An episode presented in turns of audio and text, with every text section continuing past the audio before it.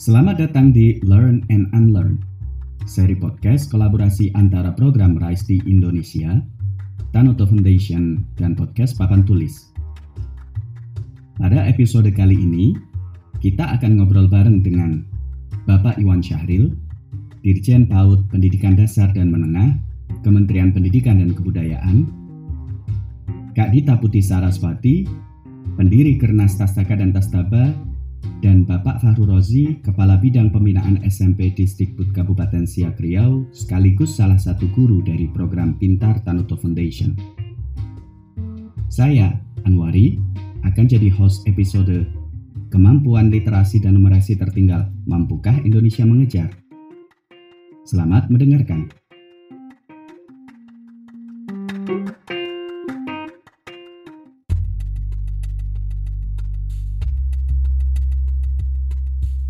Di episode kali ini secara terpisah, saya berkesempatan untuk ngobrol bareng dengan Pak Iwan Syahril. Dari Pak Iwan, apa itu kemampuan dasar literasi dan numerasi, serta seberapa penting penguasaan siswa tentang kemampuan dasar ini sebagai bekal jenjang pendidikan setelahnya? Kemampuan literasi ataupun numerasi merupakan uh, komponen dari asesmen kompetensi minimum. Kemampuan uh, literasi uh, merupakan kemampuan seseorang dalam memahami, menggunakan, melakukan refleksi dan berinteraksi dengan teks tulis agar dapat mengembangkan pengetahuan dan potensinya sehingga ia mampu berpartisipasi tentunya sebagai uh, warga masyarakat. Sementara kemampuan numerasi adalah kemampuan yang dimiliki oleh seseorang dalam menggunakan pengetahuan matematika untuk menjelaskan suatu kejadian, memecahkan suatu masalah, dan mengambil keputusan dalam kehidupan sehari-hari. Nah, e, literasi dan numerasi ini e, perlu kita kembangkan bukan saja dalam pelajaran e, bahasa, tapi juga lintas mata pelajaran, karena sebenarnya kemampuan untuk memaknai informasi dengan berbagai macam bentuk e, modalitas ini terjadi di semua mata pelajaran. Jadi juga di pelajaran seperti IPA, IPS, uh, agama dan pelajaran lainnya. Karena kemampuan berpikir uh, logis dan sistematis ini adalah sebenarnya fondasi dari kemampuan literasi dan numerasi. jadi bukan hanya untuk membaca tapi juga berpikir secara logik, logis dan sistematis. Dan ini bisa dikembangkan di berbagai mata pelajaran. Karena itu dalam kurikulum merdeka kami mendorong semua guru untuk kemudian melakukan kolaborasi lintas mata pelajaran untuk mengembangkan kemampuan literasi dan numerasi tersebut. Sebenarnya kemampuan literasi dan numerasi ini merupakan fondasi dari pembelajaran sepanjang hayat. Karena kita tahu zaman semakin disruptif dan dibutuhkan kemampuan untuk terus uh, mengolah apa yang memaknai informasi, mengolah informasi uh, di berbagai bidang. Karena uh, kita dituntut menjadi pembelajar sepanjang hayat ya. Kadang-kadang bidang yang kita tekuni tiba-tiba mungkin sudah tidak relevan lagi kita harus melakukan reskilling uh, skill yang baru maka dibutuhkan kemampuan untuk bisa uh, memaknai informasi dan produksi informasi uh, baik dalam bentuk teks tulis maupun matematika. Nah, karena itu kedua kemampuan ini karena ini kemampuan yang sangat fondasi menjadi sangat penting dalam uh, meng, uh, bagi semua murid dalam mencapai apa pun cita-cita mereka apa pun yang ingin mereka lakukan di masa mendatang. Uh, jadi bukan saja untuk kemampuan untuk meneruskan ke jenjang pendidikan berikutnya, tapi juga bagian dari uh, modal SDM unggul untuk Indonesia maju dan warga dunia yang baik dan produktif. Bagaimana dengan kondisi Indonesia saat ini, serta apa yang bisa dilakukan oleh pemerintah dan pemangku kepentingan di pendidikan lainnya melihat kondisi Indonesia sekarang? Um, kalau kita melihat tentunya berbagai macam data bisa kita gunakan, tapi data yang tentunya sangat uh, penting bagi kita yaitu data asesmen nasional.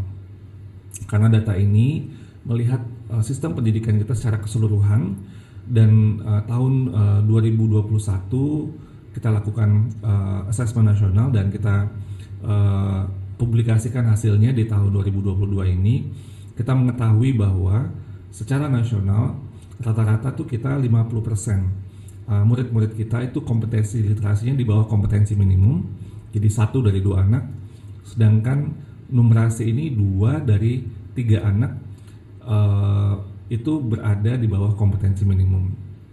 Dan inilah data yang tentunya bisa kita uh, lihat sama-sama karena data ini ter, terdapat secara publik di platform uh, rapor pendidikan publik sehingga masing-masing uh, pemerintah daerah, satuan pendidikan bisa melihat data spesifik untuk kondisi mereka masing-masing agar dapat melakukan refleksi dan melakukan pembenahan aspek mana yang perlu diintervensi agar uh, bisa terjadi peningkatan secara berkelanjutan. Nah, untuk meningkatkan hasil uh, kompetensi fondasi ini secara berkelanjutan, maka kita perlu untuk terus bergotong royong. Semua pemangku kepentingan tidak terkecuali uh, di mana saja yang memiliki kepedulian untuk uh, peningkatan uh, kompetensi literasi dan numerasi uh, perlu untuk melakukan sinergi agar kita bisa uh, melakukan intervensi yang sangat targeted. Uh, pesan saya mungkin dalam hal ini ya bergeraklah dengan data dan data itu bisa kita dapatkan secara publik dan kemudian baik itu pemerintah daerah maupun satuan pendidikan bisa melakukan uh, tindak lanjut dari data kita bisa melihat prioritas yang mana yang uh, perlu segera diintervensi karena masing-masing daerah kondisinya tentunya berbeda-beda masing-masing satuan pendidikan juga kondisinya uh, berbeda-beda. Sudah itu kita kemudian melakukan konsolidasi, kolaborasi antar berbagai pemangku kepentingan untuk dapat meningkatkan uh, bagaimana hasil capaian uh, belajar murid-murid kita dalam literasi dan numerasi ini semakin meningkat dari waktu ke waktu. Iya, uh, lalu apa saja yang sudah dilakukan dan rencana ke depan dari Kemendikbud untuk pendukung penguasaan kemampuan dasar literasi dan numerasi? Hal yang terpenting yang dilakukan oleh Kemendikbud Ristek dalam penguasaan meningkatkan kemampuan uh, dasar literasi dan numerasi adalah dengan meluncurkan kurikulum merdeka. Kurikulum ini memang didesain untuk membuat pembelajaran itu bisa lebih fokus kepada kompetensi dasar literasi dan numerasi. Kurikulum ini didesain lebih sederhana karena kontennya sekitar 30-40% itu uh, disederhanakan dibandingkan dengan K13 lalu memang dibuat atau didesain agar guru-guru dan sekolah-sekolah sekolah bisa lebih fleksibel dalam penerapannya dan bisa melakukan hal-hal yang lebih relevan sehingga pembelajaran itu lebih bermakna dan sesuai dengan apa yang dibutuhkan oleh murid uh, jadi uh, teach at the right level selain itu yang uh, yang terus akan kita lakukan adalah dengan assessment nasional kita akan memiliki data-data yang nanti akan bergerak secara jangka panjang. Jadi ujung-ujungnya nanti data yang terus uh, kita rujuk sebagai data referensi dalam perencanaan dan penganggaran baik dalam pemerintah, di pemerintah daerah maupun di sekolah untuk peningkatan secara berkelanjutan. Sehingga siklus continuous improvement kita bisa terjadi secara uh, secara baik. Uh, dan yang sudah dilakukan dan akan terus kita lakukan adalah uh, misalnya penguatan uh, supply buku-buku bacaan kepada uh, sekolah uh, terutama dari hasil asesmen nasional kita bisa melihat daerah-daerah mana sekolah-sekolah mana yang sangat uh, rendah pencapaiannya dan di sini kita lakukan intervensi secara lebih spesifik uh, karena uh, salah satu kendala dari lemahnya kemampuan uh, literasi dan numerasi adalah uh, tidak tersedianya buku bacaan yang menarik bagi anak-anak. Nah, jadi mungkin saya perlu garis bawahi buku bacanya itu harus yang menarik bagi anak-anak bukan menarik buat orang dewasanya.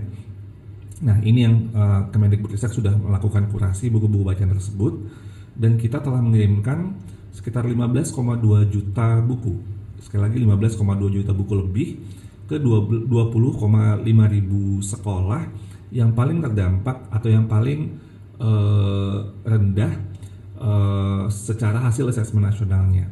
Ini kira-kira ada sekitar uh, eh, 14.000 lebih sekolah dasar dan hampir 6.000 TK.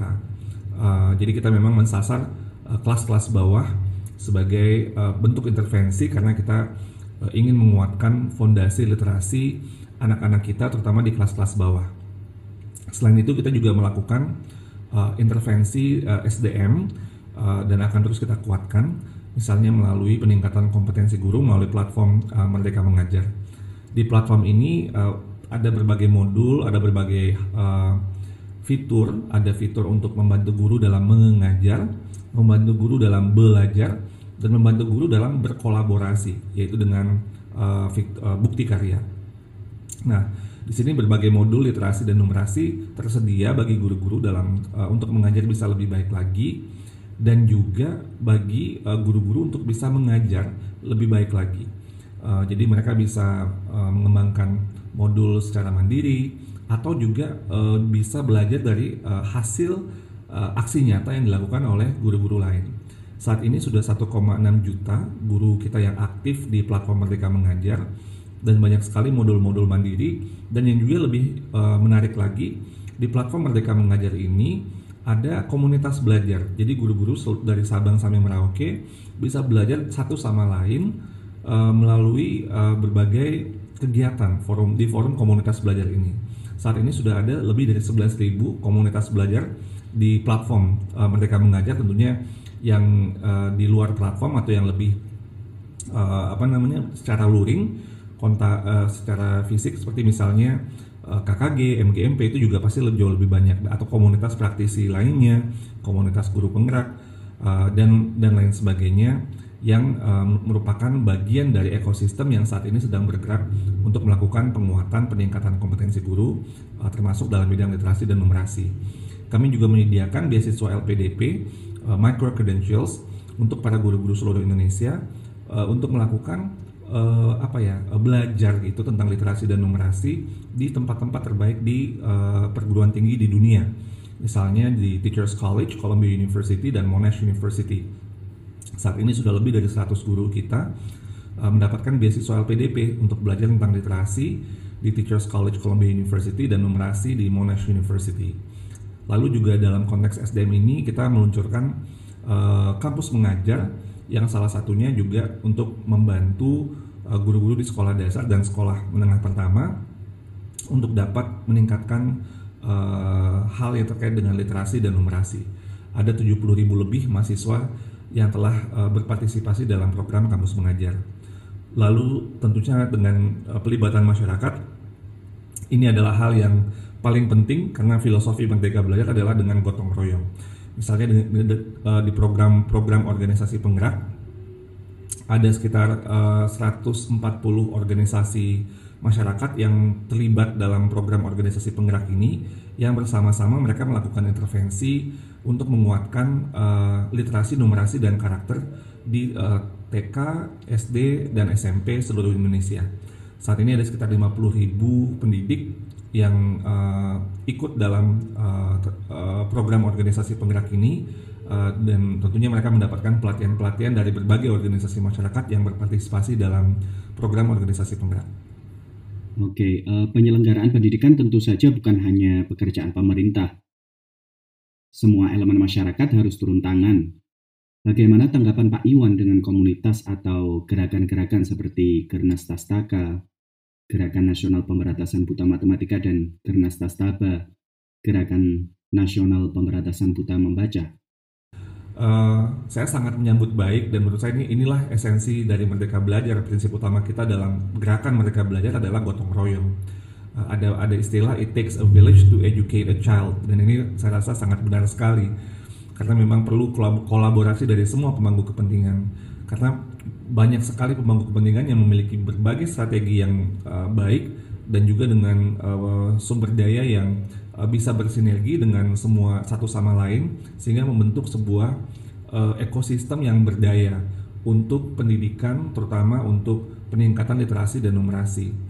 Karena itu kita perlu untuk uh, berkolaborasi dan gotong royong ini harus terus kita kuatkan. Uh, dan memang dalam bergotong royong ini pesan saya sih kita uh, menggunakan data. Jadi tentunya kita lihat data uh, di mana daerah-daerah yang uh, sangat terdampak maka para organisasi masyarakat, komunitas, mitra pembangunan bisa menggunakan data-data tersebut khususnya data hasil dari asesmen nasional yang ter, uh, terdapat pada platform rapor pendidikan. Nah, data-data inilah yang nanti akan dapat uh, dimanfaatkan oleh berbagai organisasi, komunitas, uh, mitra pembangunan sehingga akan semakin fokus uh, intervensinya. Juga uh, saya berpesan uh, mohon para komunitas, organisasi uh, itu uh, berbagi di platform mereka mengajar. Jadi mungkin guru-guru yang sudah, sudah mendapatkan manfaat dari program-program literasi dan numerasi uh, dari berbagai organisasi uh, mohon segera uh, share gitu di platform mereka mengajar karena nanti dapat dampaknya tentu akan lebih berlipat-lipat lagi uh, banyak sekali organisasi-organisasi yang sudah mengunggah juga modul-modul peningkatan kompetensi guru atau bagaimana mengajarkan literasi dan numerasi di platform mereka mengajar. Iya. -hmm. Apakah Pak Iwan punya pesan atau harapan untuk para guru sebagai fasilitator pembelajaran dasar siswa? Pesan saya adalah eh, kita harus fokus eh, pada upaya untuk melakukan pemulihan pembelajaran atau learning recovery yang eh, berfokus kepada kompetensi fondasi yaitu literasi dan numerasi. Eh, jangan khawatir guru-guru mungkin saya ingin mendorong uh, untuk melakukan berbagai cara-cara baru, melakukan eksperimentasi-eksperimentasi sehingga muncul inovasi-inovasi dalam strategi uh, pembelajaran uh, literasi dan numerasi tersebut. Nah, uh, tentunya kuncinya di sini adalah kita terus belajar, uh, jangan lupa untuk berbagi, jangan bisa sendirian aja, dan lakukan dengan berkolaborasi. Uh, gerakan komunitas-komunitas belajar, baik itu komunitas belajar di dalam sekolah atau komunitas belajar antar sekolah dan juga yang ada di uh, daring termasuk di dalam platform Merdeka Mengajar. Uh, dan platform Merdeka Mengajar menurut saya adalah salah satu uh, game changer karena di situ berbagai macam modul-modul uh, uh, baik untuk mengajar maupun guru-guru bisa belajar dan saling berkolaborasi uh, melihat berbagai macam aksi nyata guru-guru lain uh, bisa di, di, dilihat secara uh, gratis tentunya dan bisa dilihat dari Sabang sampai Merauke bisa terkoneksi. Jadi ini betul-betul semacam uh, resource dari guru oleh guru untuk guru. Uh, dan para guru bapak ibu sekalian uh, inovasi membutuhkan kita untuk terus berkolaborasi. Dan inovasi membutuhkan kita untuk berani melakukan eksperimentasi mencoba hal baru. Jangan takut untuk gagal coba saja dulu uh, dan kemudian jika hasilnya masih belum maksimal kita lakukan refleksi Refleksi jangan hanya sendirian, tapi dilakukan dengan bersama-sama. Kita lihat terutama bagaimana dampaknya terhadap pembelajaran murid-murid kita. Nah, setelah kita lakukan refleksi, teruskan eh, perjalanannya kembali untuk mencari solusi-solusi yang lebih baik lagi ke depannya. Saya yakin dengan kita serempak dan kita serentak untuk hadirkan inovasi dan transformasi, kita bisa mewujudkan pembelajaran yang lebih memerdekakan, pembelajaran terutama dalam konteks literasi dan numerasi, kita wujudkan merdeka belajar di seluruh penjuru Nusantara.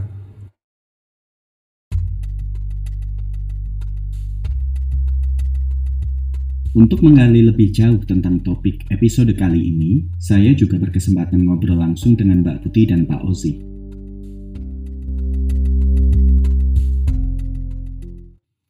Apa kabar Mbak Putih? Alhamdulillah sehat, dalam keadaan baik. Eh, gimana kabar ya Mas Anwari? Kabar baik, Alhamdulillah. Bagaimana kabar Pak Ozi? Alhamdulillah, sebenarnya baru selesai sakit nih Mas. okay. Ini mungkin karena cuaca nih. Cuaca kami di Siak Riau ini eh, sebulan terakhir nih hujan terus.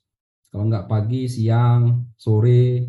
Ini sore tadi ini baru, ini siang tadi baru selesai hujan ini. Tapi Alhamdulillah hari ini sehat Mas. Oke. Okay. Saya ke Mbak Putih dulu. Sebelumnya selamat atas launching Gernas Tastaka di Provinsi Lampung. Iya, uh, iya di Lampung. Dan minggu ini kami akan berangkat ke Muara Enim, Sumatera Selatan untuk Gernas Tastaba. Jadi Gernas Tastaka atau Gerakan Nasional Pemberantasan Buta Matematika ini sudah ada di mana saja Mbak Putih? Oh, sudah banyak sekali Mas Anwari nih. Um, kalau Gernas Tastaka kami sudah di tahun keempat ya. Tahun pertama itu kami ada di Tual, di Kabupaten Bogor dan di Pasuruan, tapi sekarang udah banyak sekali. Saya lupa ada di beberapa provinsi. Yang pasti dalam empat tahun ini kami mencapai sekitar 4.000 guru sekolah dasar atau madrasah ibtidayah di mulai dari Aceh ada paling timur itu di di Tual, uh, di Jawa banyak, uh, di Rembang, lalu di Kabupaten Bogor, Cirebon, uh, di Jawa Timur, macam-macam di Kalimantan kami ada, di Sulawesi juga ada, uh, dan macam-macam sih. Ada banyak. Kami agak lupa nih data persisnya. Sebelum lebih jauh, mungkin ada teman-teman yang belum pernah dengar tentang Gernas Tastaka dan Gernas Tastaba. bisa dijelaskan sedikit uh, apa latar belakangnya, kenapa fokusnya hanya di matematika, numerasi dan membaca atau literasi?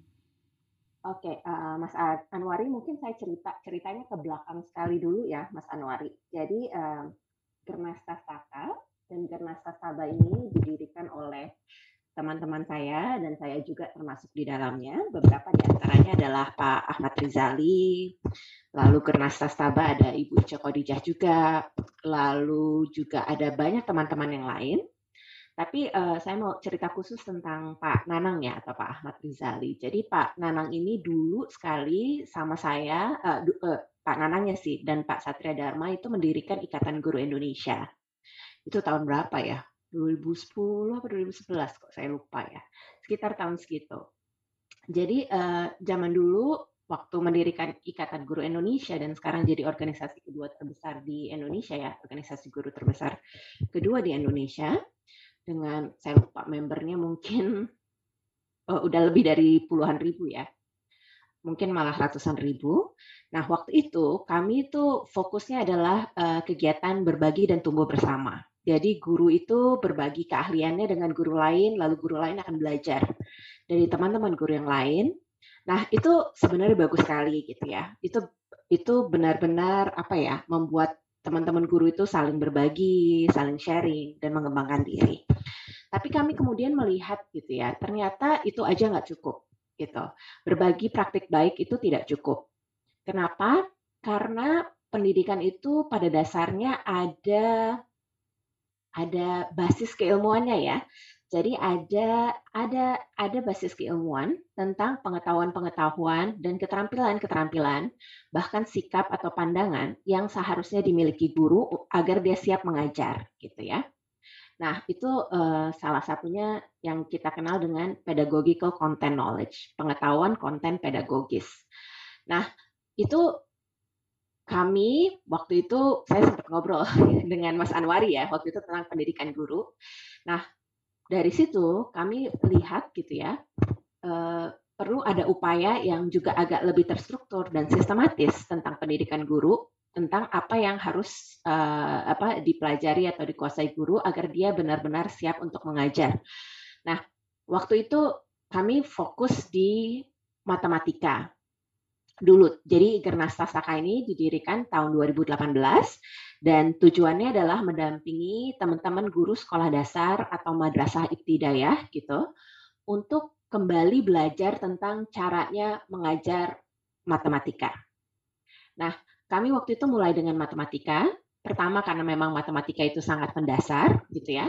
Tapi kedua juga ada alasan praktisnya bahwa waktu awal-awal pendirian Gernas Sasaka di tahun 2018 itu tim kontennya uh, beberapa orang yang siap menjadi trainer itu latar belakangnya pendidikan matematika. Jadi kami mulai dengan kalau istilahnya orang bisnis low hanging fruit ya, yang paling mudah gitu dimulai karena buat kami itu kebetulan bidang keahlian kami sehingga kami merasa bisa merancang trainingnya dengan cukup baik dan apa uh, waktu yang agak singkat gitu ya. Jadi kami butuh sekitar enam bulan untuk merancang uh, seluruh proses trainingnya yang terdiri uh, dari pelatihan untuk pelatih untuk guru SD sekitar 36 jam.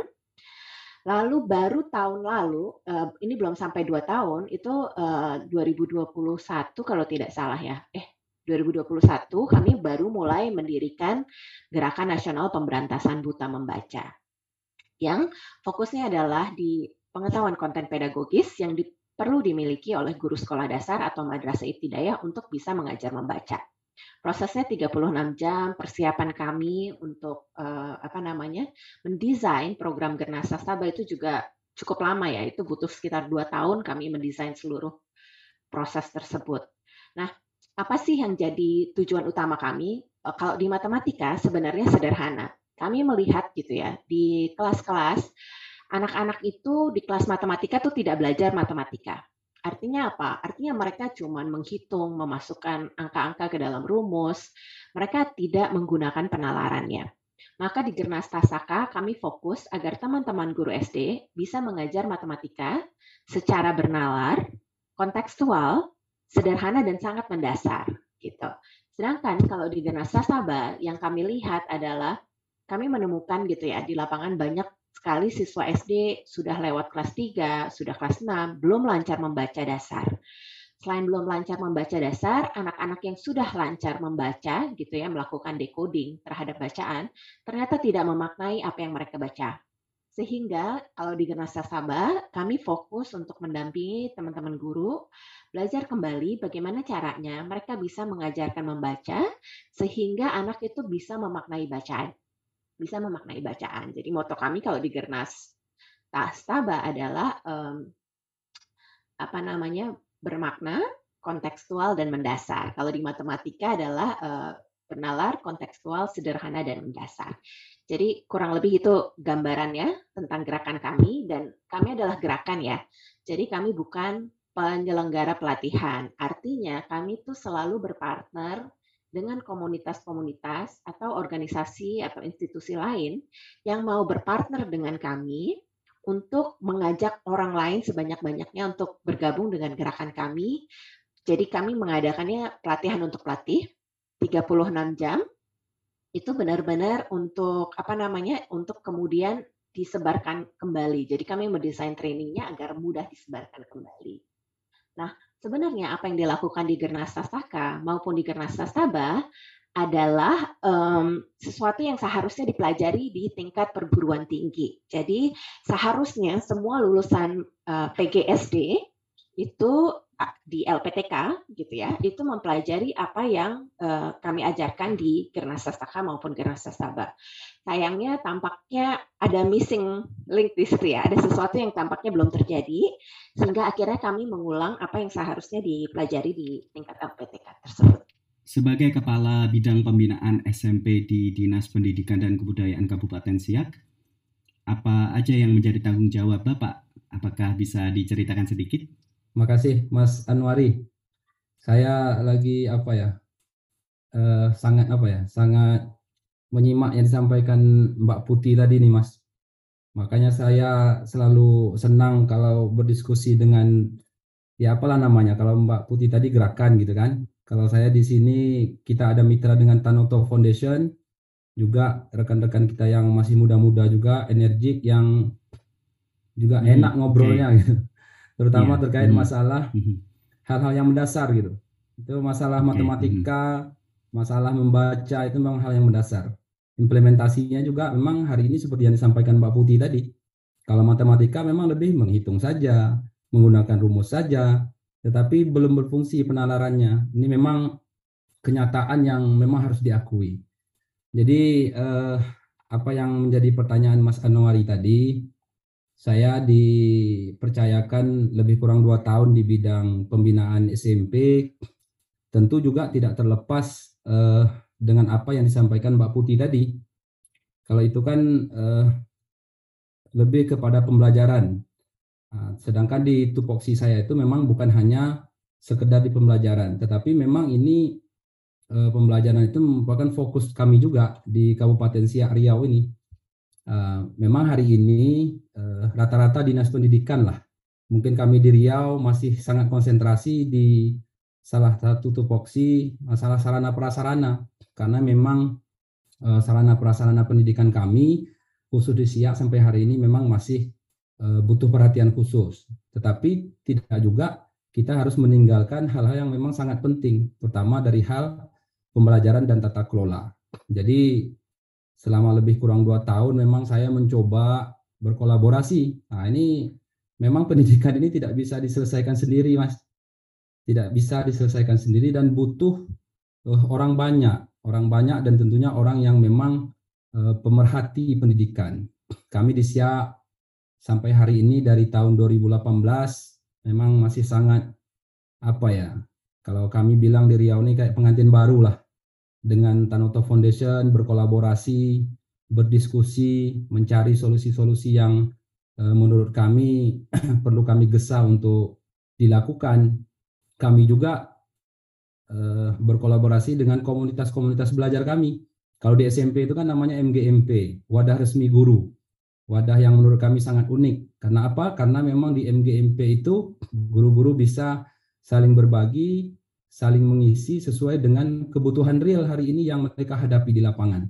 Makanya kemarin saya uh, di tupoksi saya saya memang menggagas ada tiga hal yang menjadi konsentrasi kami. Pertama kita ada pengawas sekolah, ada wadahnya namanya MKPS, kita ada kepala sekolah, ada wadahnya juga namanya MKKS, dan kita ada guru, wadahnya juga sudah ada, namanya MGMP. Nah, ini tiga wadah ini memang harus saling bersinergi, berkolaborasi. Jadi kalau kita bicara masalah e, mutu, khususnya di pembelajaran, nah, tiga wadah ini memang harus kita libatkan. Pengawas hari ini tugasnya memang selain dari tupoksi yang ada tentu membantu dinas pendidikan karena pengawas sekolah ini memang bagian dari dinas pendidikan yang secara rutin melakukan kunjungan ke sekolah binaannya masing-masing. Kalau Eh, pejabat dinas ya mungkin ketika ada hal-hal tertentu baru bisa hadir di sekolah. Tapi kalau pengawas sekolah mau tidak mau karena tupoksi mereka setiap bulan itu ya minimal setiap bulan terjadwal ke sekolah binaan masing-masing. Jadi sudah secara pasti tahu kondisi real sekolah eh, seperti apa, baik dari sisi sarananya, sisi disiplinnya, bahkan sisi pembelajarannya. Karena pengawas juga berkewajiban untuk melakukan supervisi di kelas, melihat pembelajaran. Nah, kepala sekolah kita minta untuk mensupport semua program, terutama program untuk meningkatkan kompetensi guru. Nah, ini makanya wadah-wadah MGMP itu kalau tidak disupport oleh kepala sekolah, nah ini memang agak lambat. Karena kalau eh, kita ingin mengaktifkan dengan secara mandiri dengan iuran guru-guru dari MGMP itu memang agak lambat gitu. Jadi eh, sinergi atau kolaborasi itu memang Eh, sangat penting Mas Anwari. Mungkin itu untuk awal Mas. Oke, kalau nggak salah Gernas Tastaka pertama diinisiasi tahun 2002 eh, tahun 2018 ya. Jadi udah empat tahun. Selama empat tahun ini apa aja tantangannya Mbak Putih? Oke, mungkin Mas Anwari uh, gimana ya? Jadi mungkin saya cerita sedikit ya. Kalau Gernas Tastaka itu apa sih yang kita ajarin? Kita mengajarkan sesuatu yang bukan yang muluk-muluk Mas Anwari. Jadi bukan kayak pelatihan olimpiade atau pembuatan soal-soal hot. Tidak, sama sekali nggak seperti itu Mas Anwari. Jadi yang kita lakukan itu adalah benar-benar mengajak teman-teman guru sekolah dasar atau madrasah ibtidayah itu belajar hal yang sangat mendasar.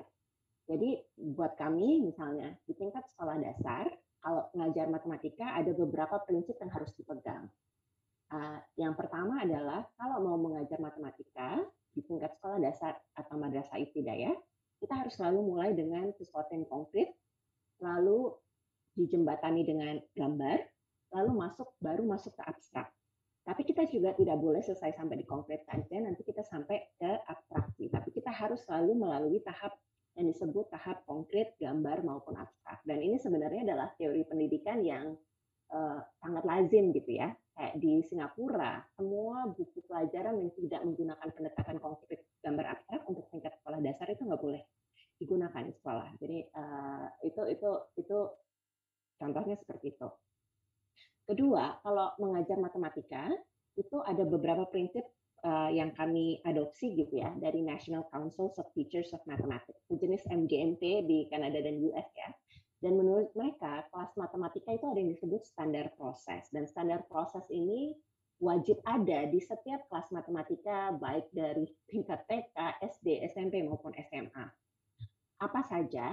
Pertama adalah e, pemecahan masalah, lalu ada penalaran dan pembuktian matematis, komunikasi, komunikasi gagasan matematis, representasi, um, dan terakhir adalah koneksi. Jadi ketika kita mempelajari satu topik matematika itu harus saling terkait dengan topik lain ataupun dengan kehidupan sehari-hari ataupun dengan bidang lain.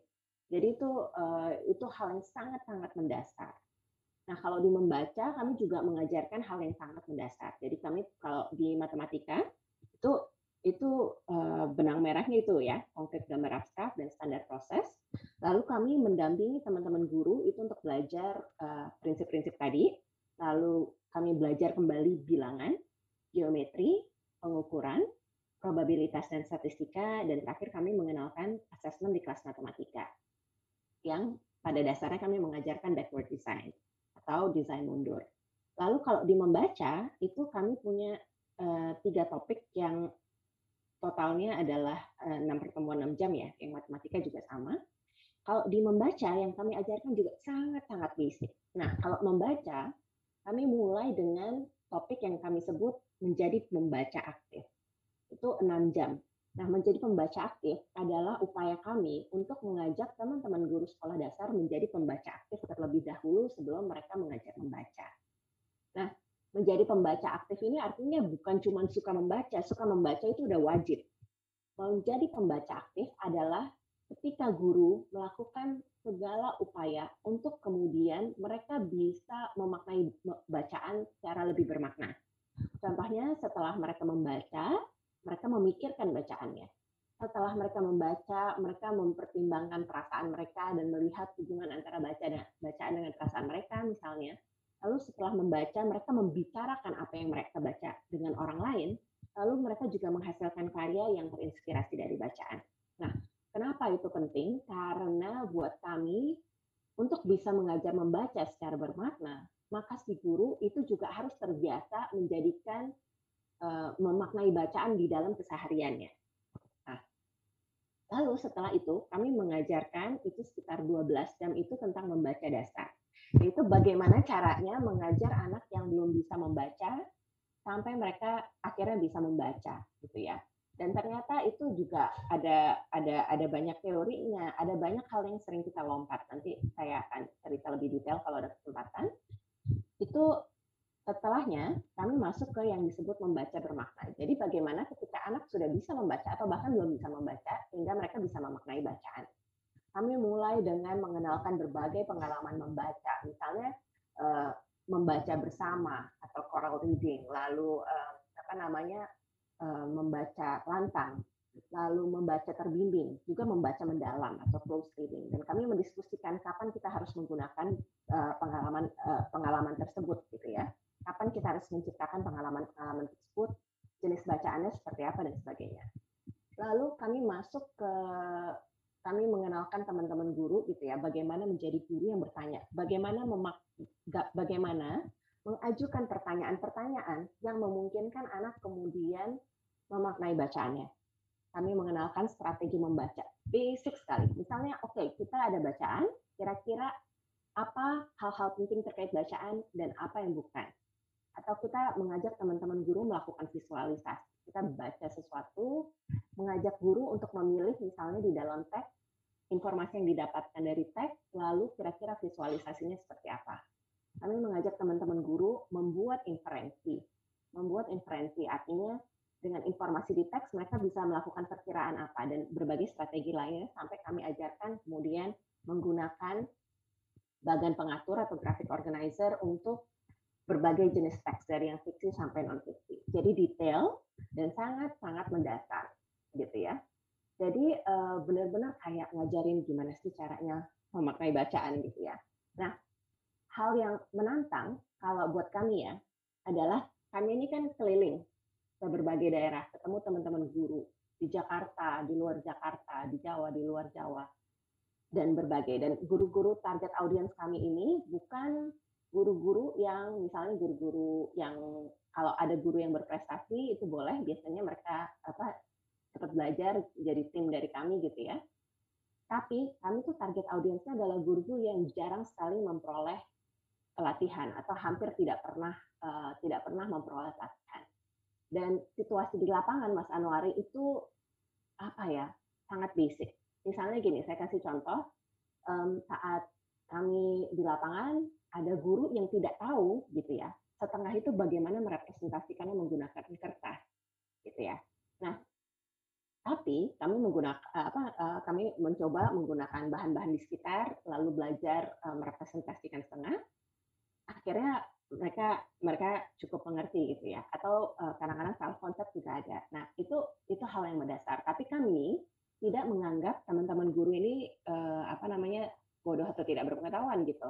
Kami sebenarnya menganggap bahwa teman-teman guru ini pada dasarnya punya potensi hanya saja mereka belum pernah terfasilitasi oleh pendidikan guru yang baik sehingga mereka bisa misalnya uh, mempelajari kembali konsep-konsep matematika di sekolah dasar dan cara mengajarkannya dengan uh, bernalar dan kontekstual misal. Nah, saat membaca, temuan menarik kami adalah banyak guru mengaku mereka belum pernah mendesain pertanyaan mereka sendiri ketika mengajak siswa membaca. Jadi um, apa namanya? Uh, jadi misalnya uh, apa ya? Mereka pakai aja buku teks yang ada gitu. Jadi mereka kaget ternyata seharusnya guru itu mendesain pertanyaan. Nah, ada juga yang cerita misalnya dengan adanya asesmen kompetensi minimum gitu ya.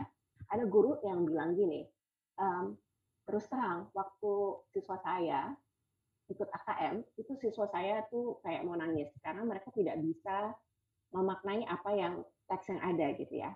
Nah, kan pilihan ganda tuh katanya. Jadi ya siswa-siswa saya tebak aja tebak kancing gitu a a a a, a atau a b ditebak-tebak gitu. Nah, nah Lalu ketika saya membaca teksnya, kata teman-teman guru SD, saya juga kaget, saya juga nggak ngerti itu teksnya tentang apa katanya. Saya nggak bisa bacanya, terus terang. Saya uh, apa namanya? Nah, jadi kesulitan membaca teks yang agak panjang, teman-teman. Guru ini itu fakta ya, itu realitas di lapangan. Nah, teman-teman guru yang lain itu bilang, oh iya saya juga, saya juga. Jadi ternyata pengalaman itu nggak unik gitu ya, dan itu terjadi di kota besar lah. Nah, setiap kali kami menceritakan bahwa ada kebutuhan terkait uh, isu yang sangat mendasar ini kepada teman-teman kami gitu ya khususnya kelompok-kelompok akademisi atau intelektual gitu banyak yang nggak percaya. Ah masa cuman begitu aja nggak bisa? Ya ngapain mereka jadi guru kalau begitu? Dan uh, terus terang itu mungkin tantangan yang paling sulit ya mengajak banyak orang gitu ya bahwa maksudnya tidak semua orang loh kalau di perguruan tinggi negeri yang punya nama di mana uh, punya apa terus sudah gitu terbiasa melakukan penalaran tidak semua berada di dalam posisi-posisi seperti itu.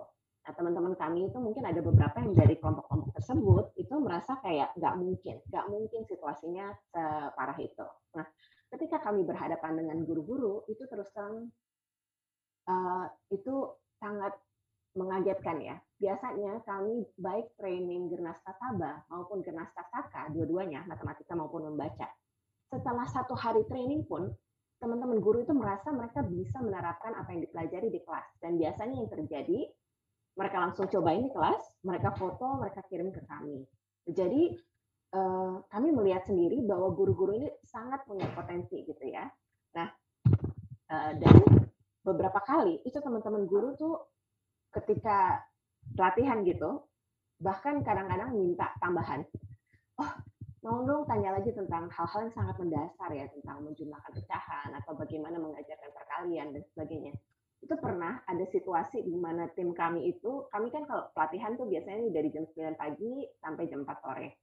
Nah, itu teman-teman guru nggak mau pulang sampai jam 10 malam atau bahkan pagi-pagi jam 6, jam 7 tuh udah udah mulai nanya-nanya lagi. Atau setelah pelatihan tengah malam itu kontak kami lagi untuk uh, apa review apa yang dipelajari jadi antusiasmenya sebegitu besar. Kami itu kok sekarang bahkan kewalahan karena permintaan terlalu banyak. Sedangkan relawan kami pun uh, masih terbatas gitu ya, Mas Anwari. Itu sih uh, di antara kami beberapa tantangan. Saya kemarin sempat baca salah satu publikasi uh, buklet Tanuto Foundation, Lentera Harapan, dan di situ Pak Ozi menyebutkan bahwa Bapak terus berupaya meningkatkan mutu pendidikan lewat perbaikan input, proses, dan output pembelajaran walaupun dampaknya tidak langsung terlihat seperti halnya jika kita memperbaiki fasilitas sekolah. Apakah bisa diceritakan tantangan dan kendala-kendala yang dihadapi? Saya melihat di skala lebih kecil, apa yang disampaikan Mbak Putih tadi itu, kami di Kabupaten Siak, Riau, itu memang hal-hal juga terjadi di tempat kami, apalagi memang Kabupaten Siak ini termasuk daerah ya bukan kota lah ya. Kalau kami menyebutnya bahasa kampung lah dengan berbagai apa namanya model model. Jadi eh, tantangannya memang eh, luar biasa gitu. Jadi kalau saya melihat Mas Anwari dengan kondisi yang ada hari ini, kita memang tidak bisa eh, hanya menitik beratkan ini kepada guru, ya. Kita juga tidak bisa marah-marah guru kan. Jadi guru dimarah-marah efeknya tidak tidak bagus juga. Atau kita langsung mengklaim wah guru ini tak bisa nggak bisa juga. Artinya memang ada peran kita masing-masing gitu. Peran kita masing-masing. Jadi saya selalu ingin uh, mengkaitkan ini mengkolaborasikan dengan pihak-pihak yang terlibat. Makanya saya sangat senang dengan adanya diskusi-diskusi seperti ini saya selalu juga diskusi dengan kawan-kawan mitra kami seperti Tanoto Foundation. Ini juga uh, membuka uh, mindset kita gitu. Bagaimana kita memandang bahwasanya pendidikan berkualitas itu tidak hanya dibebankan kepada guru saja. Kalau kita lebih mengkerucut, kita diskusi masalah pembelajaran, tidak serta-merta memang menjadi tanggung jawab uh, guru. Seperti Mbak Putih bilang tadi. Dan itu terjadi. Ada guru yang mulai dari CPNS sampai hari ini hanya sekali saja ikut BIMTEK atau diklat. Diklat apa itu? Diklat prajabatan. Selama sekian puluh tahun menjadi guru tidak pernah ikut diklat. Mengapa? Ya karena pemerintah juga tidak berdaya kan untuk eh, memfasilitasi diklat-diklat untuk seluruh guru se-Indonesia. Pemerintah daerah juga seperti itu. Makanya saya kemarin eh, diskusi dengan rekan-rekan, tak ada cara lain wadah-wadah guru ini memang harus diaktifkan dan itu memang lebih sangat efektif. Nah, mengaktifkan wadah guru secara mandiri ini itu juga tantangannya luar biasa. Makanya tidak tidak terlepas dari peran kepala sekolah juga eh, terkait hal itu. Jadi Mas Anwari, eh, saya tadi sangat setuju ada beberapa hal mendasar yang menjadi eh, akar masalah sebetulnya kalau kita bicara masalah literasi dan numerasi. Apa yang disampaikan Mbak Putih tadi, kebetulan eh, saya basic saya juga eh, matematika sebetulnya. Dulu saya juga dari guru, eh, tapi sekarang kalau disuruh ngajar dah udah nggak bisa lagi gitu, udah nggak diakui lagi karena bukan profesionalitas saya gitu kan. Nah, jadi eh, dulu saya pernah juga menjadi kepala bidang pembinaan SD lebih kurang dua tahun. Jadi guru SD ini guru paling hebat dunia mas semua mapel uh, diajarkan. Tidak ada guru uh, di SD itu yang basicnya itu matematika, basicnya guru kelas, tetapi mereka diminta untuk mengajar matematika. Dan tidak sedikit temuan di lapangan, apa yang mereka ajarkan itu uh, apa ya? Kalau saya bilang salah itu terlalu ekstrim. Jangan kita diskusikan lagi, eh, jangan kita diskusikan dulu masalah Eh, bagaimana kita mengajar matematik seperti yang Mbak Putih sampaikan tadi untuk tingkat penalaran. Mengajar matematik menggunakan rumus saja atau menghitung saja kadang-kadang itu belum eh, belum pas lah gitu untuk guru-guru kita. Tetapi kita juga eh, tidak bisa eh, serta-merta menyalahkan guru. Makanya ada peran kita masing-masing untuk itu. Nah, saya sangat tertarik sekali dengan beberapa hal yang disampaikan tadi kita di sekolah negeri juga eh, terkait input untuk peserta didik kita kan tidak tidak bisa, tidak dibenarkan menolak anak-anak kita yang memang kalau dinilai kemampuannya itu eh, oleh setengah orang mungkin ke bawah gitu ya kemampuannya. Tapi pada dasarnya ketika proses ini kita jalani dengan baik, ada proses pembelajaran eh, di sekolah itu dilakukan dengan benar, saya pikir anak yang tadi mungkin inputnya kita definisikan mereka itu kurang bagus, kalau prosesnya bagus, saya pikir anak-anak kita juga akan bisa mengikuti itu dengan baik.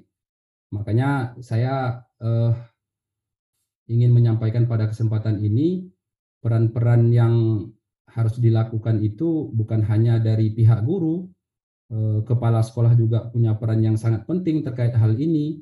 Eh, kita ada pengawas dan tentunya dinas pendidikan. Kalau eh, apa namanya pemangku kepentingan ini bisa kita gerakkan dengan baik, saya pikir eh, pelan-pelan uh, pendidikan kita yang berkualitas, terutama kami di daerah-daerah yang memang jauh dari pusat perkotaan, ini akan uh, pelan-pelan akan membaik gitu. Jadi memang butuh kerjasama dan kolaborasi yang kuat ini, Mas Anwari menurut saya. Mas Anwari menurut saya.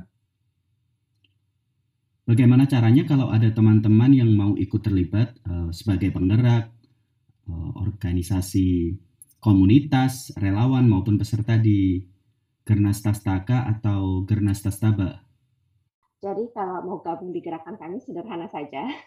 Pertama tentu saja ikuti sosial media kami. Kami punya Instagram. Kalau Gernas Tastaka kami punya Facebook. Tapi kalau Gernas Tastaba belum ya. Um, dua-duanya punya Instagram. Kami punya YouTube gitu ya. Tiap bulan uh, kalau uh, dalam kondisi rutin biasanya kami ada diskusi juga gitu. Dua jam kami bisa cuma diskusi tentang pecahan ataupun apa pun. Uh, kami punya Telegram, nanti tinggal kontak aja. Nah, Gernas Sasaka ini karena dia berupa gerakan, maka kami itu biasanya kalau ada sekolah bilang, eh tolong dong bikin pelatihan di sekolah kami, itu kami cenderung menolak. Tapi kalau ada yang bilang, oh saya mau membantu mengorganisir misalnya uh, ya Pak Auzi gitu ya, di Riau agar di Riau ini ada ada training of trainer Genasa Sabah, kami akan kumpulkan guru-guru SD atau madrasah ibtidaiyah dari berbagai kecamatan atau kabupaten di sekitar sini misalnya um, itu justru kami akan sambut dengan sangat baik. Jadi kami biasanya tinggal atur rapat pertemuan, bagaimana rencana kerjasamanya, kapan mau kerjasama, bagaimana mulainya itu biasanya kita negosiasikan bersama. Jadi kalau waktu kami kosong, kami akan langsung menyediakan waktu gitu untuk kegiatan tersebut. Nah, training of trainer kita itu dilaksanakan bisa daring ataupun bisa secara luring gitu ya. Artinya um, kalau luring mungkin kami harus bahas bersama gitu kita ke sananya bagaimana dan sebagainya tapi kalau daring itu selama ada waktu dan selama ada fasilitatornya itu dengan mudah bisa kita selenggarakan nah uh, mungkin saya mau ceritakan sedikit Mas Anwari jadi Kenasa Saka ini sekarang lagi bergerak uh, yang yang kita sebut sebagai pentahelix gitu ya jadi kami lagi mencoba bukan hanya bergerak langsung dengan guru, tapi melakukan kolaborasi dengan berbagai pihak. Misalnya kasusnya di Muara Enim gitu ya. Di Muara Enim itu kami bergerak itu bersama dengan kepala dinasnya, eh, bersama dengan Dinas Pendidikan Muara Enimnya di situ. Lalu kami bekerja sama dengan perguruan tinggi Universitas Sriwijaya. Jadi kami kami mewawancarai beberapa mahasiswa PGSD dari Universitas Sriwijaya, pendidikan matematika ataupun pendidikan bahasa kalau untuk yang membacanya lalu kami uh, ajak mereka untuk ikut berkegiatan bersama teman-teman guru gitu ya. Uh, jadi mereka ikut training bersama guru, mereka juga dilatih untuk melakukan observasi, untuk masuk ke dalam sekolah, mendampingi teman-teman guru gitu ya. Untuk nanti kemudian setelah mengikuti gerakan kami ada yang disebut festival belajar. Jadi di akhir teman-teman guru itu sharing tentang perubahan mereka sebelum dan setelah mengikuti gerakan kami. Nah, Eh, jadi kami bekerja sama-sama perguruan tinggi. Perguruan tinggi kalau mau juga boleh melakukan penelitian, mengambil data di gerakannya kami. Lalu kami bekerja sama dengan industri untuk uh, support kami. Kami juga bekerja sama dengan media, media baik media lokal maupun uh, media nasional gitu ya, sehingga gerakan ini semakin terdengar gitu ya. Dan uh, apa namanya dengan berbagai pihak. Jadi kami memang lagi mencoba gimana caranya ketika kami bergerak itu kami Eh, juga bekerja sama sama pemerintah daerah maupun pusat, media, industri maupun masyarakat dan komunitas-komunitas guru. Jadi baik MGMP atau KKG biasanya ada perwakilan ketua-ketua KKG yang ikut di dalam uh, program kami atau perwakilan organisasi guru yang juga ikut gitu ya. Bahkan kadang-kadang ada situasi misalnya trainingnya udah penuh gitu ya. Lalu teman-teman dari organisasi guru, oke okay, malamnya kalian datang ya, kita belajar bersama malam-malam gitu di sini. Jadi itu ada juga yang modelnya seperti itu. Jadi kita janjian dengan teman-teman guru uh, yang aktif-aktif gitu ya. Oke, nanti teman-teman silakan coba gerakkan apa namanya cabang-cabang organisasi guru di masing-masing daerah. Jadi itu di antaranya. Jadi sesederhana silakan kontak kami. Nanti kami akan atur pertemuan. Kalau cocok, biasanya kalau kami sevisi itu langsung jalan gitu. Jadi uh, nggak nggak terlalu sulit gitu Mas Anwari. Yang saya baca program Pintar dari Tanoto Foundation hadir di Provinsi Riau sejak 2018 ya. Hingga saat ini program-program apa saja yang telah dilakukan untuk mendukung peningkatan kualitas pembelajaran siswa? Kita dengan Tanoto Foundation ini kan 2018 ya. Tadi saya dengar gerakannya Mbak Putih juga sekitar 2018 lah. Uh, jadi mengapa kita sangat sangat apa ya sangat ini dengan Tanoto Foundation karena uh, konsen yang didiskusikan itu dua hal yang menurut kami sangat penting.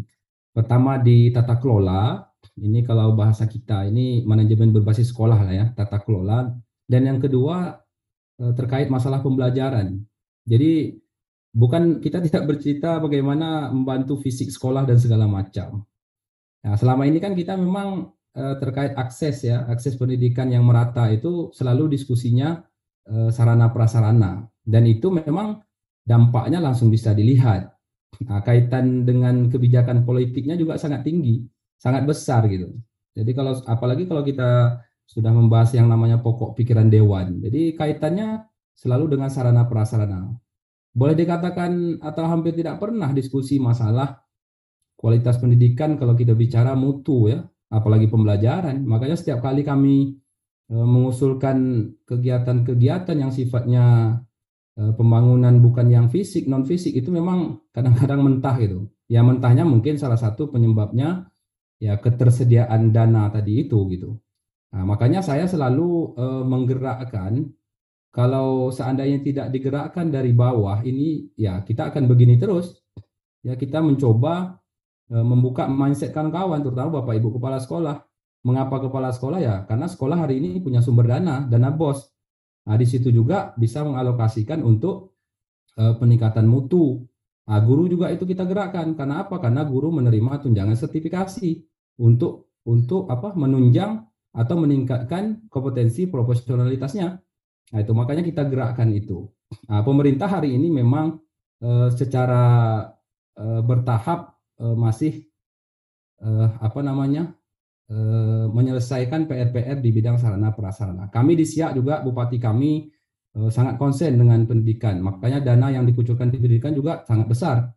Sekolah yang dibantu itu bukan hanya sekolah negeri, juga sekolah swasta.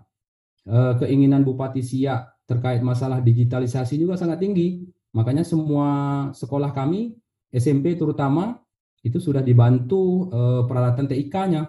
Tahun 2023 ini insya Allah selesai untuk membantu uh, apa namanya peralatan TIK berupa proyektor. Jadi keinginan Pak Bupati kami ini terkait digitalisasi sekolah itu juga sangat tinggi dari awal. Nah, kembali ke yang disampaikan oleh Mas Anwari tadi dengan Tanoto Foundation, kami bermitra memang uh, dari 2018 sampai hari ini sangat uh, uh, sangat apa ya? Kalau bahasa kami kayak pengantin baru gitu, Mas. Nah, sangat uh, sangat mantap lah gitu. Karena apa? Karena uh, nyambung gitu. Yang didiskusikan itu nyambung. Nah, memang uh, di SIA sekolah binaannya Tanoto itu terbatas. Nah, SMP itu cuma ada enam. Itu pun di di wilayah-wilayah tertentu, tidak di semua kecamatan.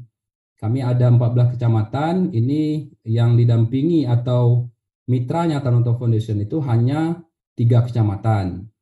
Nah, jadi kami melakukan berbagai bentuk program dengan Tanoto Foundation eh, bisa bersifat diseminasi. Contoh kemarin kita sudah rekrut FASDA, fasilitator daerah yang direkrut oleh Tanoto Foundation. Jumlahnya juga sangat terbatas. Akhirnya kami melakukan uh, diseminasi rekrut FASDA juga. Nah, jadi kami sudah melakukan berbagai bentuk atau berbagai upaya lah dalam rangka uh, mensupport program-program yang juga program ini uh, awalnya dicetuskan oleh Tanoto Foundation melalui program pintarnya. Jadi konsentrasinya memang atau fokus diskusinya dua hal itu terkait uh, tata kelola maupun uh, pembelajaran. Nah, terus kemarin di masa pandemi kami juga berkolaborasi dengan Tanata Foundation. Banyak juga inovasi yang uh, dilakukan oleh uh, Siak lah waktu itu. Kebetulan saya mengikuti dari awal dan saya juga termasuk salah seorang lah yang di Dinas Pendidikan ini yang juga senang sekali kalau diskusi-diskusi hal-hal seperti ini. Ini tadi saya sangat menyimak dan mencatat hal-hal yang disampaikan oleh Mbak Putih tadi. Dan kalau ditanya hati kecil saya, saya sangat sangat berminat uh, Mbak Putih. Ya, mudah-mudahan nanti kami dari Siak bisa bekerja sama. Karena apa yang Mbak Putih sampaikan tadi itu itu memang uh, yang sering saya temukan di lapangan, terutama ketika saya jadi kepala bidang eh, SD dulu, ah, itu sering sekali terjadi. Jadi guru kita saat ini memang banyak yang bahkan tidak pernah mendapat pelatihan dan mengajarnya ya seperti itu saja, tak berubah gitu.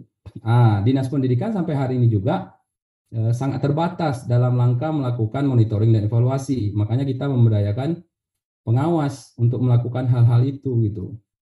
Kemarin di masa pandemi Tanoto Foundation juga sangat membantu kami. Kita tidak bisa tatap muka di sekolah, kita lakukan pembelajaran daring, kita ada channel YouTube, kita juga ada portal belajar, blended learning. Terakhir kami dalam rangka eh, memberikan layanan dengan pengawas sekolah, terus eh, secara tidak langsung juga kami ingin melihat kinerja pengawas sekolah, kami juga eh, merancang satu aplikasi yang kita beri nama Siakwah. SIAWAH itu sistem informasi kepengawasan pengawas sekolah. Jadi eh, pengawas sekolah diminta eh, apa namanya? Saya sebetulnya dasar kita kan 8 standar, tapi kalau saya melihat 8 standar menjadi laporan pengawas, ini juga eh, menurut kami sangat memberatkan pengawas karena pengawas kami di SIA ini jumlahnya sangat terbatas, Mas. Kita ada 110 tadi sekolah, kita pengawas kita hanya ada 8. Jadi ada 14 sampai 15 sekolah yang harus didampinginya, dibinanya. Padahal maksimalnya ya mungkin 7 atau 6 sekolah. Nah, jadi kami membuat aplikasi yang tujuannya memang untuk melayani atau mempermudah pengawas, tapi di samping itu kami ingin juga melihat kinerja pengawas. Karena selama ini pengawas kami eh, kalau di evaluasi tidak seluruhnya memberikan laporan secara rutin setiap bulan ke dinas pendidikan. Nah, jadi ada yang membuat laporan dan sifatnya manual, juga kasihan kita melihatnya. Nah, ini sekarang ada aplikasi, mereka tinggal laporkan di situ dan kita sudah visualisasikan dalam bentuk eh, grafik-grafik sehingga kita juga dapat datanya dengan cepat dan tentunya akurat gitu. Karena apa? Karena pengawas yang kita suruh menginput. Ada tiga hal yang kami minta, terutama uh, terkait pembelajaran tadi, terus ada tata kelola dan satu lagi kita mau updating uh, khususnya sarana prasarana. Nah, makanya di situ minta uh, untuk menginput juga masalah profil sekolah. Jadi uh, sampai hari ini Mas, kami memang uh, sangat berterima kasih juga sama pihak-pihak luar, terutama Tanoto Foundation dan tidak menutup kemungkinan besok gerakannya Mbak Putih ini. Nah, karena jujur saja ini menjadi catatan saya dan insya Allah akan saya laporkan ke pimpinan. Kalau memang nanti bisa kita gerakkan dulu secara mandiri dengan melibatkan komunitas-komunitas belajar kita, ada KKG, ada MGMP, eh, minimal kita memberikan apa dulu, apa ya, semacam eh, perubahan mindset dulu ke kawan-kawan kita. Karena kami ini dari kampung, Mbak, eh, mindset ini juga perlu diubah dari awal. Nah, jadi saya pikir dari penyampaian Mbak Putih tadi ini sangat memberikan peluang besar bagi kami untuk melakukan perubahan-perubahan khususnya kami di Kabupaten Siak. Oke, jika Mbak Putih atau teman-teman di Kernas Tastaka dan Kernas Tastaba diberi, uh, sorry, mendapat kesempatan untuk bekerja sama dengan Tanoto Foundation atau pemangku kepentingan lainnya di pendidikan ya, apa yang ingin dilakukan? Ada nggak sih goals atau cita-cita yang pengen dilakukan tapi belum ketemu nih tandemannya gitu?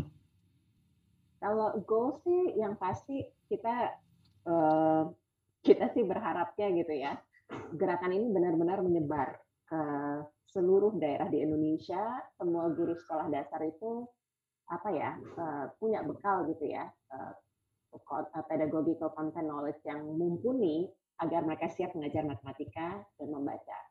Kami itu apa namanya intinya sih ingin bekerja sama dengan semua pihak. Nah, yang goals yang kalau apa dengan dinas-dinas pendidikan kalau ada yang memang tertarik kami sangat sangat tenang. Karena ketika kami didukung oleh dinas pendidikan itu biasanya uh, lumayan mulus gitu ya. Walaupun tanpa didukung pun kami bisa jalan gitu ya. Tapi ketika didukung oleh teman-teman yang memang punya otoritas itu memang jauh lebih mulus gitu prosesnya nah uh, kalau dipikir apa sih sekarang yang belum kesampaian ya cita-cita besar itu tentu saja tapi juga kami tuh sebenarnya sangat ingin bisa masuk ke LPTK LPTK Mas Anwari. Jadi um, dan LPTK LPTK yang ada di berbagai daerah di Indonesia gitu. Jadi kami uh, bahkan datang gitu ke beberapa LPTK menawarkan diri, kami bisa membantu merancang misalnya program 3 SKS buat teman-teman guru PGSD ataupun PGMI agar uh, apa namanya 3 SKS kami ngajar, kami bersedia benar-benar datang ke perguruan tinggi ataupun uh, secara online mengajar 3 SKS sehingga teman-teman saat lulus LPTK ini benar-benar punya pengetahuan konten pedagogis yang mumpuni untuk mengajar matematika maupun membaca. Nah, yang sudah menyambut kami di antaranya ada Universitas Sriwijaya, ada uh, univers ada uh, perguruan tinggi Nahdlatul Ulama di Jawa Timur dan beberapa perguruan tinggi perguruan tinggi lainnya termasuk ada yang di Cianjur kalau nggak salah. Dan kami sebenarnya sangat ingin bisa masuk ke perguruan-perguruan tinggi khususnya pergu bukan perguruan-perguruan tinggi yang besar sih, tapi justru perguruan tinggi yang ada di berbagai daerah gitu ya. Jadi kalau ada teman-teman dinas punya jaringan dengan perguruan tinggi uh, eh, PGSD atau PGMI di daerahnya, itu kami dengan senang hati gitu ya ingin diperkenalkan dan kami bersedia menawarkan diri gitu untuk bisa masuk gitu. Uh, itu di antaranya. Kalau untuk yang uh, Gernas Tastaba mungkin juga yang menjadi tantangan adalah kami itu sebenarnya sangat butuh teks-teks yang sangat baik kualitasnya. Memang ada beberapa yang sudah disediakan oleh negara melalui e-booknya gitu ya, ataupun websitenya, tapi kami juga pengen kompilasi lebih banyak teks-teks yang sangat layak yang bisa dibaca oleh siswa-siswa SD kelas 1 sampai kelas 6, baik fiksi maupun non fiksi bahkan kayak teacher. Jadi kami itu uh, misalnya mendorong teman-teman kami yang ahli lingkungan untuk membuat teks tentang lingkungan untuk anak-anak eh, SD gitu ya. Atau teman-teman kami yang bekerja di berbagai bidang misalnya ada yang di energi ah nulis dong tentang energi buat tapi buat anak kelas eh, SD gitu. Kelas 1, kelas 2, kelas 3, kelas 4 sampai kelas 6 um, dan seterusnya gitu ya. Jadi kalau ada yang ikut ingin jadi bagian dari kami untuk menyusun konten-konten yang bisa digunakan di SD atau MI itu kami akan sangat senang seperti itu. Itu sih di antaranya Mas Anwari. Belajar dari masalah dan praktik baik di Siak dan Riau. Pesan atau motivasi apa yang Pak Ozi ingin sebarkan ke para pejuang pendidikan di seluruh Indonesia? Apa ya? Saya karena juga basicnya guru gitu ya. Eh, saya juga sebetulnya tidak pernah juga mengira kalau saya, saya sekarang struktural. Ya artinya saya juga mengikuti proses inilah gitu. Saya juga dulu guru matematika. Ya insya Allah saya juga tahu seperti apa kondisi real anak-anak kita bagaimana anak-anak kita belajar matematika dan bagaimana juga ketika itu kami atau saya mengajar matematikanya pastilah banyak kelemahan dan kekurangan pasti itu e, tetapi guru memang tidak boleh berhenti untuk belajar nah, terutama melalui wadah-wadah yang memang e, bisa mensupport atau uh, mengubah guru-guru kita terkait kompetensi itu tanpa pedagogi tadi. Karena hari ini guru-guru kita belum berubah ngajarnya, Mas. Jadi kurikulumnya berubah terus. Mungkin satu atau dua hari dia berubah ngajarnya, tapi selanjutnya kembali lagi seperti awal gitu. Nah, dan kita, kalau boleh saya berpesan, kita tidak boleh marah-marah guru, ya, jangan dimarah-marah guru. Sekarang kita bagaimana memotivasi guru ya guru-guru kita juga banyak guru senior yang juga sangat gagap dengan teknologi kita tidak bisa ya menurut saya tidak perlu memarah-marah guru gitu tetapi bagaimana kita menciptakan iklim yang sehat sehingga guru-guru kita juga termotivasi dan tentunya kita uh, melakukan peran masing-masing. Nah, hari ini saya di dinas pendidikan kira-kira apa langkah? Karena memang ya dinas pendidikan tentu punya peran yang sangat penting juga. Guru-guru kita kalau digerakkan oleh Dinas Pendidikan, ya seperti kata Mbak Putih tadi, Mbak Putih hadir di daerah tertentu tanpa Dinas Pendidikan dia bisa bergerak gitu. Apalagi kalau Mbak Putih hadir di daerah tertentu bersama Dinas Pendidikannya, itu memang sangat mempermudah dan menurut saya makin kuat. Jadi memang Mas Anwari menurut saya hari ini perlulah kita lakukan kolaborasi sinergi yang kuat ya antara semua yang berkaitan dengan pendidikan ini. Kalau kita diskusi masalah pembelajaran, kalau hari ini saya melihat ya peran pengawas harus kita ciptakan. Peran kepala sekolah juga sangat penting dan guru. Jadi tiga bentuk ini memang harus selalu sinergi. Kita di luar ini termasuk ya lembaga-lembaga pemerhati pendidikan, gerakan-gerakan juga mensupport ya, mensupport tiga uh, lini tadi apakah itu pengawas, kepala sekolah maupun guru. Sehingga kalau hal ini ke depan bisa kita lakukan dengan baik, menurut saya secara bertahap pendidikan kita akan berkualitas.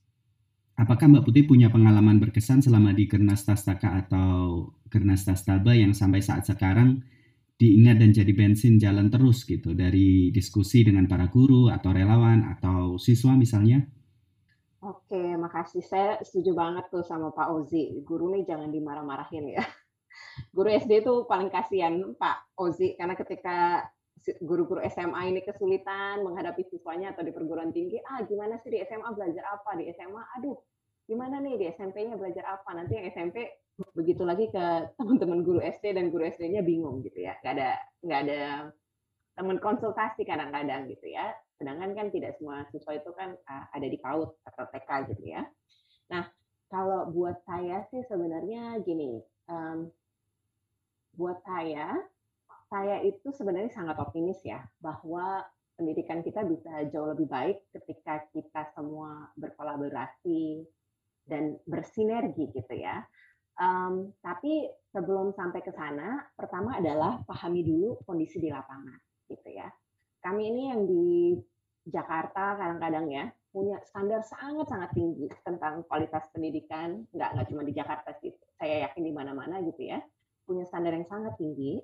Tetapi ketika kita pemetaan terhadap realitasnya itu tidak pas gitu ya, maka strategi kita untuk melakukan perubahan juga jadinya nggak pas gitu ya, walaupun tentu saja kita akan belajar dari pengalaman tersebut. Maka yang paling penting adalah uh, uh, pertama-tama adalah melakukan pemetaan yang tepat terhadap realitas yang terjadi di lapangan. Benar-benar berhadapan dengan guru uh, ya guru-guru yang berhadapan dengan di lapangan seperti apa yang Pak Uzi lakukan ya. Pak Uzi benar-benar kenal lapangan gitu ya. Itu adalah peta gitu dan uh, kondisi real ini benar-benar harus disampaikan dengan jujur kepada pembuat kebijakan sehingga ketika ada kebijakan itu juga memang berdasarkan realitas di lapangan. Itu satu.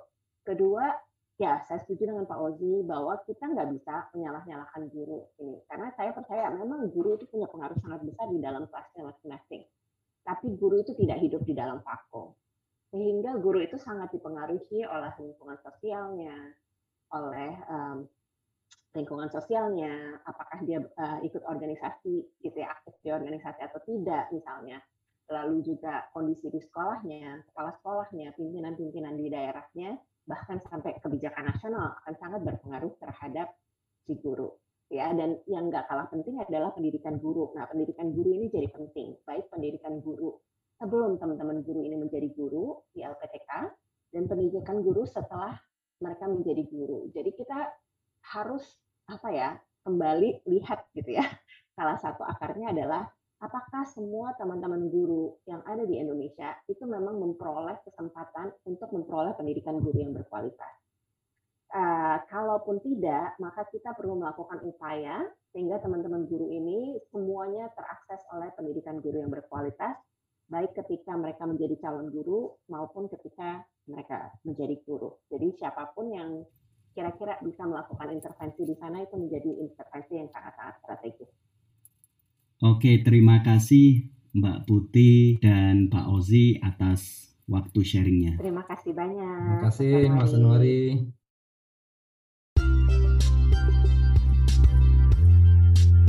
Terima kasih sudah mendengarkan obrolan kami di episode kali ini. Simak juga diskusi seru lainnya tentang pendidikan di Papan Tulis Podcast. Dukung terus usaha RISE dan Tanoto Foundation dalam meningkatkan kualitas pendidikan di Indonesia dengan mengunjungi situs webnya di rise.semeru.or.id dan tanotofoundation.org serta follow Instagramnya di at riseprogram.org dan at tanotoeducation.